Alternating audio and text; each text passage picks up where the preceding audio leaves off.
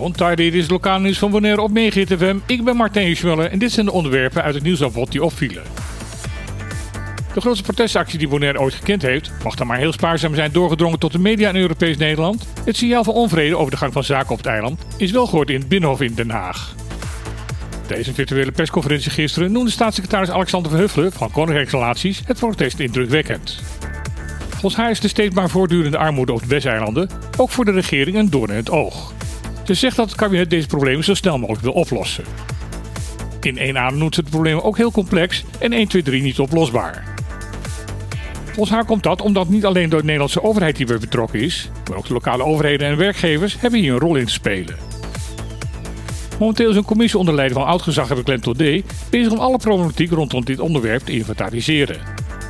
De leden van de commissie zijn op dit moment op Bonaire om met alle betrokken partijen te praten. De verwachting is dat de commissie voor 1 oktober dit jaar met een eindverslag zal gaan komen. De staatssecretaris heeft in haar reactie gisteren nogmaals gezegd dat het haar streven is om in 2024 te komen tot de invoering van een menswaardig sociaal minimum in de BES. De Rotary Club Bonaire heeft bekendgemaakt dat de feria op Koningsdag een groot succes is geweest. Op de markt over het Wilhelminaplein werd op 27 april de hele dag tweedehands, maar ook nieuwe spullen verhandeld tegen zeer aantrekkelijke prijzen. De winst die zo behaald is, wordt gebruikt om diverse goede doelen te ondersteunen. De Rotary organiseert deze markt al vele jaren op Koningsdag, maar was de afgelopen jaren door de COVID-crisis genoodzaakt om daarvan af te zien. Dat de markt door de bodem van Bonaire is gemist, laat het grote aantal bezoekers zien en ook de recordopbrengst van de markt van dit jaar van 22.000 dollar. Tijdens een feestelijke bijeenkomst waarbij de vrijwilligers werden bedankt voor hun harde werk voor de feria, werd ook de eerste bestemming van het opgehaalde geld bekendgemaakt. De Rotary spons een weekenduitje naar Slagbaai voor 35 jongeren uit gezinnen die momenteel het financieel moeilijk hebben.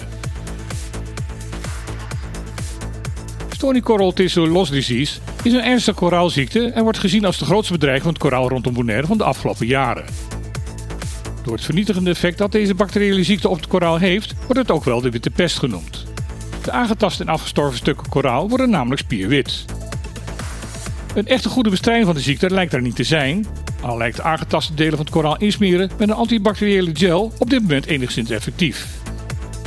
De Tweede Kamerfractie van de Partij van de Dieren maakt zich hier ongerust over.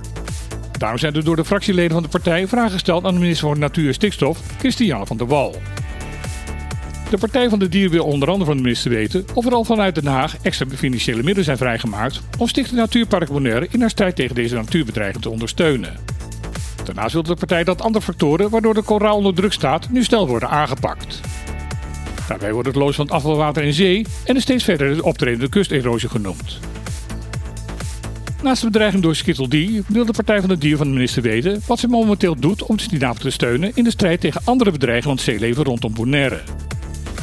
Hierbij wordt vooral het steeds groter worden probleem van het aanspoelende sarcasmbier genoemd. Na een lange stilte was gisteren opeens een nieuwsbrief van de Bonaire Brandstofterminals BV. Het staatsbedrijf van de Nederlandse overheid dat moet gaan zorgen voor continuïteit van de energievoorziening op het eiland. Is opgezet met uitsluitend het doel om zo snel mogelijk te zorgen voor nieuwe opslagtanks voor fossiele brandstof op Bonaire, is het bedrijf ondertussen belast met de gehele transitie op het eiland naar hernieuwbare energie.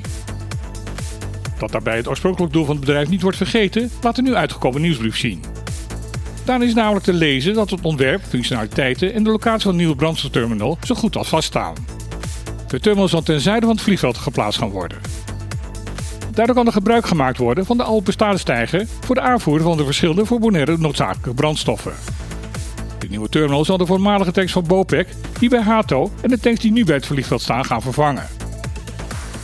De volgende stap in het uitvoeren van de plannen is het maken van een milieueffectrapportage. Deze is nodig om de vrijste vergunning voor de bouw bij het OLB te kunnen aanvragen. In de nieuwsbrief van de BVT wordt niet vermeld wanneer de terminal daadwerkelijk opgeleverd zou kunnen worden. Dit was weer het lokale nieuws van vandaag op Megahit FM.